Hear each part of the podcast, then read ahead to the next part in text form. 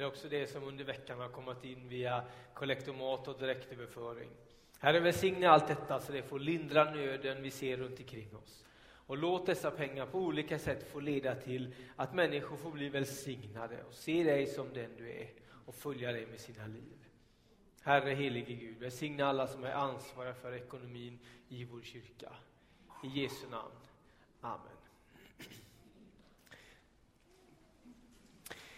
Den här månaden så kommer vi att eh, predika över detta temat som är kyrkan. Och idag så blir temat för predikan kyrkan som ett verktyg. Jag tycker att det är väldigt fyndigt. Får ni se om ni tycker att det är det efter det vi är färdiga. Och sen så nästa söndag så blir det församlingen som familj. Det kommer bli väldigt bra. Nu fick jag något i mitt öga här. Det kanske var ett sånt här verktyg. Jag glömmer aldrig när jag en gång blev tillfrågad av någon som jag hjälpte, tror jag. Och så sa han så här, kan inte du gå, springa och hämta ögonmåttet? Jajamän, sa jag och sprang iväg. Och sen kom jag på att just det, så är det med det. Nu vill jag läsa några bibelord innan jag börjar predika. Det här blir ju en temapredikan. Och då är det så här med de här predikningarna som är tematiska, då kan man inte bara läsa ett bibelord, då får man läsa flera stycken. Och därför så vill jag nu läsa från Saltaren 18 och vers 20. Där står det så här. Han förde mig ut i frihet. Han räddade mig, ty han älskar mig. Och sen hoppar vi till Jesaja kapitel 43 och vers 1. Där står det så här. Nu säger Herren, han som har skapat dig, Jakob, han som har format dig, Israel. Var inte rädd, jag har friköpt dig, jag har gett dig ditt namn, du är min. Och sen hoppar vi till Lukas evangeliets första kapitel och vers 68. Där står det så här. Välsignad är Herren, Israels Gud, som besöker sitt folk och ger det frihet. Och så hoppar vi till Lukas evangeliets fjärde kapitel, vers 18 och 19. Herrens ande är över mig, ty han har smort mig till att frambära ett glädjebud till de fattiga. Han har sänt mig för att förkunna befrielse för de fångna och syn för de blinda, att ge de förtryckta frihet och förkunna ett nådens år från Herren. Och så hoppar vi till Galaterbrevets femte kapitel, vers 13 och 14. Ni är ju kallade till frihet, bröder. Låt bara inte den friheten ge köttet något tillfälle, utan tjäna varandra i kärlek. Hela lagen sammanfattas i detta enda bud. Du ska älska din nästa som dig själv. Vi ber tillsammans. Herre helige Gud, nu ber vi att du öppnar våra hjärtan så att vi får ta emot det du vill ge, Herre, i, i vår gudstjänst. Tack att du är här. Tack att du låter ditt ord få bli levande i oss, Herre. Tack för friheten att tillhöra dig. Välsigna oss var och en just nu. Det är vår bön. Herre helige Ande, tack för det du gör i våra hjärtan just nu. Befria oss, Herre, till den sanna friheten som finns hos dig. I Jesu namn. Amen. Jag vet inte om du har en verktygslåda hemma. Har du det? De allra flesta av dem av er hade det, i alla fall några stycken. Och en, en del när man säger så har du en verktygslåda hemma, så tänker de så här, ja, jag har en verktygslåda. Oj, oj, oj. Om du bara visste vilka fina verktyg jag har där. Och så känner man sig väldigt glad för det. Jag har inte så många verktyg i min verktygslåda, men jag har en borrmaskin som också kan fungera som skruvdragare. Den är jag nöjd med. När jag skulle skruva upp en hylla för något tag sedan och farsan var hemma hos mig, och så sa han så här, ah, surt, nu skulle vi haft ett eh, nu inte leda. Nu. vattenpass! Yes, precis. Nu skulle jag haft ett vattenpass. Då sa jag, jag har ett vattenpass. Så sa han, va? Har du ett vattenpass? Jag har ett vattenpass. Ett stort vattenpass, så att det blir rakt. Kyrkan, det är ett verktyg i Guds hand som han använder. Vi får vara med i Guds verktygslåda. Gud använder sitt verktyg för att befria oss. För att göra oss mer fria än vi var tidigare. Vad menar jag nu med detta? Ja, det är det som den här predikan ska handla om. Sverige är ett av världens mest fria länder, i alla fall ytligt sett. Vi har religionsfrihet, vi har tryckfrihet, vi har frihet att samlas, vi har frihet att uttrycka våra åsikter, att demonstrera, att röra oss, att flytta, att resa. Vi har frihet att investera, vi har frihet att bilda familjer, att utbilda oss och så vidare. Sverige är ett av världens mest fria länder. Men pratar man med en svensk människa vad den tänker om kyrkan så är det nästan ingen som förknippar kyrkan med frihet. Och om du skulle fråga någon av dina vänner som inte går till en kyrka med regelbundenhet. Vet du någonting som står i Bibeln? Kan du säga någonting som står här i? Då skulle kanske någon säga så här. Ja, jag vet någonting som står i Bibeln. Det är tio Guds bud. Ja, hur är de då? Du ska inte. Jag tror att det är i princip det som de flesta sekulariserade svenskar vet. I Bibeln så står det du ska inte, du får inte. Alltså, om man frågar någon, vad gör man i kyrkan? Då är det inte så säkert att de vet vad vi gör här. Men om du frågar, vad säger de att man inte får göra i kyrkan? Då får du en lång lista. Man får inte jobba på söndagar, man får, måste ha på sig liksom fina kläder, man får inte svära, man får inte dricka, man får inte röka, man får inte snusa och, man, och så vidare. Och så vidare, och så vidare. Och så förknippar väldigt många i Sverige idag kyrkan med det man inte får. Och ändå så läste vi de här bibelorden alldeles nyss. Som ju är ett av Bibelns stora och bärande teman. Att Gud är vår befriare. Vi är kallade till frihet. När Jesus kliver fram i offentlighetens ljus och börjar tala så är detta det första han säger. Jag kommer med goda nyheter. Att ge befrielse till de fångna och ge de förtryckta frihet. I vår kyrka och i kyrkan så finns det frihet. Ja, vad menar jag med detta? Jo, jag menar så här. Vad är det värsta som kan drabba en människa? Är det hunger? Eller är det sjukdom? Eller är det hemlöshet? Eller är det att man tappar sitt tonsinne? Eller är det att man blir snurrig i huvudet? Nej, det värsta som kan drabba en människa, det är meningslöshet. Det är att man tappar tron på att det finns ett värde med mitt liv, att det finns en mening. Det är oerhört viktigt att ha en mening med sitt liv. Den store filosofen Friedrich Nietzsche, han sa så här. Han som har ett, en orsak att leva kan leva nästan hur som helst. På engelska, he who has a why to live can bear almost anyhow. Den som vet varför den lever kan leva nästan hur som helst. Om man har en mening med sitt liv, då orkar man att leva. Det värsta som kan drabba en människa, det är att man tappar tron på att det finns en mening. Om man bara tror att allting är tisdagar och onsdagar och regn och rusk och ännu värre snö.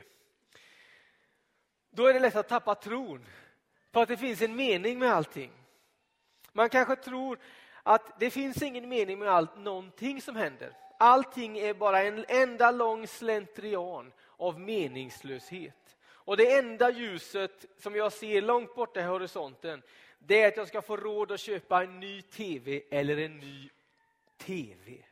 Det är det enda som ger mig mening. Det är det värsta som kan drabba en människa. I detta, i denna meningslöshet, så ställer sig kyrkan bångstyrigt upp och så säger vi så här i våra kyrkor. Det finns en mening med ditt liv. Vet du det? Det finns en mening. Det finns en Gud som, som har sagt om dig att du är så övermåttan underbar och så enormt värdefull. Det finns en mening med ditt liv. Det finns en Gud som såg dig innan du föddes, har följt dig genom varje dag i livet och har kärlek till dig. Han ser med kärlek på dig och, och gillar det han ser. Det finns en mening. Det finns en befrielse från den här meningslösheten i kyrkan. Det finns det ingen annanstans. Det finns det här. Vi behöver varandra. Här kan du få höra till. Det finns en mening med livet. Och det säger vi här i kyrkan. Det säger man ingen annanstans. Och Gud använder sin kyrka som ett verktyg för att befria oss och alla människor för, från meningslöshet. Du kan få bli ett verktyg i Guds verktygslåda. Någon av er som skriver sånger borde skriva en sång om det tycker jag. Tänk att få vara ett verktyg i Guds stora verktygslåda. Det finns en ja, plats bredvid alla skruvmejslar där, där jag passar in. Du kan få vara, bli använd av Gud. Och så tänker man att tjäna Gud är att spela eller att prata. Det kan vara så oerhört mycket mer. Gud vill använda dig i stort och i smått. Ditt liv är inte meningslöst. Det finns en mening. I den här kyrkan vill vi prata om denna meningen. Och så säger Jesus ungefär så här, fritt översatt. Meningen med livet, det är den här. Att du får älska Gud. Han älskar dig mer än du anar. Och Det innebär att du också kan älska dig själv. Eftersom Gud har skapat dig, svarvat dig och gett dig livet. Han älskar dig så mycket att han till och med gav sitt liv för att du skulle få liv och liv i överflöd.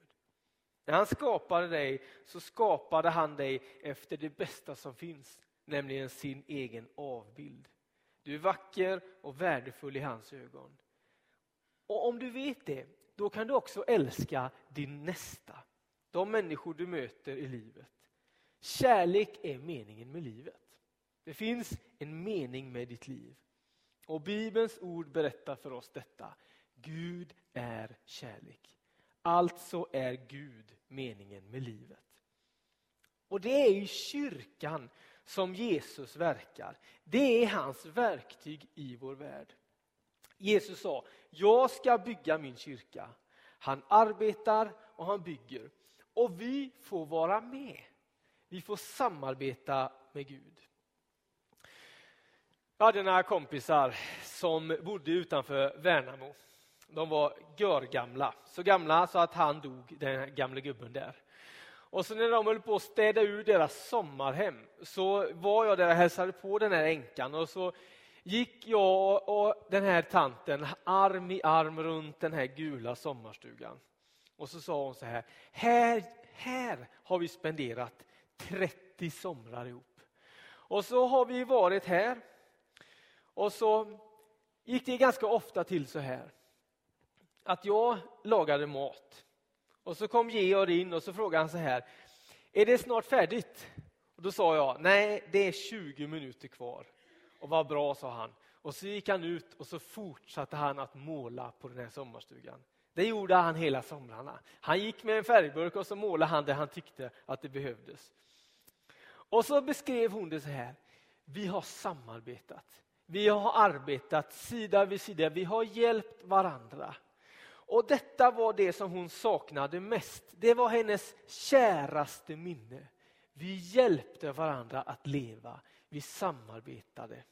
Det var hennes stora och bästa minne över de här 30 somrarna. Att samarbeta är fantastiskt och det är viktigt och det är härligt. Gud inbjuder oss att samarbeta med honom i sitt stora verk. Det finns en mening med ditt liv. Vad är det värsta som kan drabba en människa? Är det utbrändhet eller är det mässlingen eller är det tandvärk? Nej, det värsta som kan drabba en människa det är ofrivillig ensamhet. Här i veckan så träffade jag en bekant som har flyttat hit ganska nyss. Vi har lärt känna varandra nu de sista månaderna. Och han har flyttat hit till Lidköping och han känner nästan ingen. Och så åt vi lunch tillsammans och så frågade jag honom så här. Hur går det för dig? Hur känns det nu när du har bott i Lidköping i några månader? Har du liksom kommit in, har du fått, träffat några som du har lärt känna? Och då sa han så här, det är ett hårt skal över vårt samhälle. Och Det är inte speciellt för Lidköping, jag tror att vi är mycket bättre än många andra. Men det är ett hårt skal, sa han. Och det är svårt att komma in. Det värsta som kan drabba människor, det är ofrivillig ensamhet.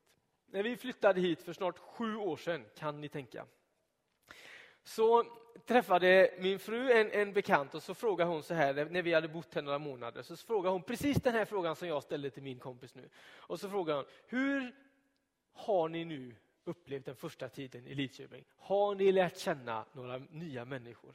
Tycker ni att ni har kommit in? Och då sa ju min fru så här, va? Ja, vi har fått ungefär 400 nya kompisar. Lite överdrivet va? Nej, men vi har ju en kyrka att gå till, vilket innebär att direkt så kommer vi in i ett samhälle, i ett sammanhang där vi blir välkomnade. Så vi lider inte av någon ofrivillig ensamhet. När Jesus gick omkring så sa han ofta till folk när han pratade med dem, så sa han så här, följ mig. Och ibland så sa han så här, kom till mig alla ni. Och så uppmanar han människor att komma till sig själv. Han inbjöd till gemenskap. Han var väldigt ofta på kalas och middagar. Och ibland när han tyckte att han behövde så bjöd han in sig själv på kalas. Han sa exempelvis så här, idag vill jag komma hem och äta middag med dig. Det får ni säga till varandra tycker jag när vi har varit klara med vår gudstjänst här. Det var Jesus som sa det, man kan inte säga emot då. Då blir det bara att sätta på en extra potatis så fort som möjligt. Gemenskap, det är oerhört viktigt. Ofrivillig ensamhet är det värsta som finns. Detta är ett samhällsproblem i Sverige. Ensamheten breder ut sig. Och mitt i detta så öppnar Gud sin kyrka och öppnar den på vid gavel och så säger han Kom till mig alla ni, följ mig. Detta är väldigt viktigt för oss. Det är så viktigt till och med i vår kyrka att vi har med det i vårt visions, vår visionsformulering. En varm gemenskap. Det vill vi ha här. Jag pratade med en av våra nyaste medlemmar för ett tag sedan. Och vi pratade om det här med frihet och så pratade vi om det här med kyrkan. Och så, så sa han så här. Innan jag kom med i den här kyrkan så tänkte jag att i kyrkan, där får man, dit kommer man och så får man höra vad man inte får och sen går man hem igen. Det verkar ju spännande. Skulle du vilja gå till en sån kyrka? Nej. Och så sa han, men så kom jag hit och så mötte jag istället en gemenskap och ett välkommen som jag aldrig hade mött tidigare. Och sen så tog han en paus och sa, jo förresten, jag har mött det tidigare. Men inte på det här äkta sättet. Och inte ett välkommen som går på djupet. Här hoppas vi och arbetar för att det ska finnas en öppen gemenskap. Vi är inte beredda med att kompromissa det här. Vi menar att det är vad Gud har kallat oss till, att öppna för gemenskap. Vad innebär då detta? Ja, det innebär inte att vi ska sitta i knät på varandra och lägga om varandras eksem. Nej. Men vi ska hälsa varandra välkomna och inbjuda varandra till gemenskap. Här i kyrkan, vid fikaborden, i våra husgrupper och så inbjuder vi till samtal. Detta är oerhört viktigt. Vi behöver varandra. Ingen av oss är skapad för att leva ensam. Vi behöver varandra. Vad är det värsta som kan drabba en människa? Är det att man får ont i ryggen när man måste skotta all snö? Eller är det att man halkar på isen och bryter lårbenshalsen? Ja, kanske. Men vi är kallade till frihet, säger Jesus. Och Gud vill använda kyrkan för att befria oss från det värsta som kan drabba en människa. Och det värsta som kan drabba en människa, det är hopplöshet. Man tror att det finns inget hopp. Det finns inget hopp för världen, det finns inget hopp för vårt samhälle, det finns inget hopp för mitt liv. Eh, när det är slut så är det slut. Då vill jag säga så här, den lokala kyrkan är hoppet för världen. Det finns ett hopp som är starkare än den hopplöshet som man ibland drabbas av. Jag har aldrig varit särskilt begeistrad över Astrid Lindgren. Jag har inte varit särskilt eh, betuttad i Pippi eller Ronja eller allt vad de heter. Och ni som är nysvenskar nu, ni får fråga sen vid fikaborden vad det är jag pratar om. Astrid Lindgren har jag aldrig varit särskilt begeistrad över, men ibland så slår hon huvudet på spiken. En gång sa hon så här. Livet är en snabbt övergående meningslöshet och sen kommer den stora tystnaden. Så hopplös beskrev Astrid ibland sin verklighet. Men så sa hon också så här. Jag tvivlar på mina tvivel. Och så sa hon så här ordagrant. Det är kanske skamligt av mig att förneka Gud eftersom jag ändå tackar honom så ofta för allt det goda jag ser runt omkring mig och för att jag ber till honom när jag är förtvivlad. Det fanns en barnatro i Astrids liv som nog var mycket starkare än vad hon var bekväm med emellanåt. Det finns ett hopp som är starkare än vår hopplöshet. Jesus sa ungefär så här en gång. När det här livet tar slut så tar det inte alls slut. Det blir en fortsättning. Det finns ett hopp om en evighet hos Gud. I min faders hus finns det många rum. Jag går bort för att förbereda det för er. Och när jag nu går bort för att förbereda det för er, när det sen är klart ska jag komma och hämta er till mig. För att jag vill att ni ska vara där jag är här. I kyrkan här förmedlar vi ett hopp som är större och starkare än allting annat som finns. Det räcker längre än Vintergatans breda galax. Det spreder sig längre än alla astronomiska teleskop och kalkyler gör. Det överskrider tid och rum. Det finns ett hopp om ett liv tillsammans med Jesus. Och det förmedlas här i kyrkan, ingen annanstans. Gud använder sitt verktyg för att göra oss fria och befria oss ifrån det som binder oss. Här i slutet av min predikan då brukar jag ofta berätta något fint, något vackert och sen är det klart. Idag ska jag inte göra det. Idag ska jag försöka provocera dig till bristningsgränsen. Så jag sätter mig själv i en liten tidsmaskin och så åker jag tillbaka och så blir jag den, den eh, 19-årige P.A. Karlsson där allting är svartvitt. Är ni med på det? Yes. Det här får ni ta för vad det är. Man behöver inte hålla med mig alls. Tänk på att jag är 19 år och vet ingenting om livet. Men om det här träffar dig i hjärtat så kan det vara från Gud själv. Men det kan också vara från den 19-årige nyrakade, ja, ungdomligt ovise. Jesus sa så här. Den som inte är med mig är emot mig. Den som inte samlar med mig, han skingrar. Jag ska bygga min kyrka och dödsrikets portar ska aldrig ta makten över den. Det finns bara två sidor här, svart eller vitt. Om du är med Jesus, då är du med kyrkan. Han är huvudet på kyrkan. Han sa, jag ska bygga min kyrka. Det är i kyrkan som Jesus arbetar. Han har grundat den. Han har fyllt den med sin helige andes kraft. Och han inbjuder oss att vara med i den. Gud har ingen plan B. Det är kyrkan eller inget. Och så ställs frågan till dig och mig. Är du med Jesus eller inte? Är du med kyrkan eller inte? Samlar du med Gud eller skingrar du? Det är den provocerande tanken. Det är det provocerande bibelordet som jag vill lämna dig med idag. Vi ber tillsammans.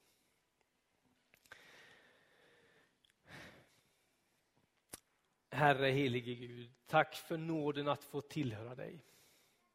Tack att du kallar oss till gemenskap med dig själv. Du bjuder oss till din närhet. Tack att du vet vårt namn. Tack att du har kallat oss till frihet. Tack för att du vill använda kyrkan för att befria oss och våra medmänniskor från det som binder oss. Och så tackar vi dig för nåden att få tillhöra dig. I Jesu namn. Amen.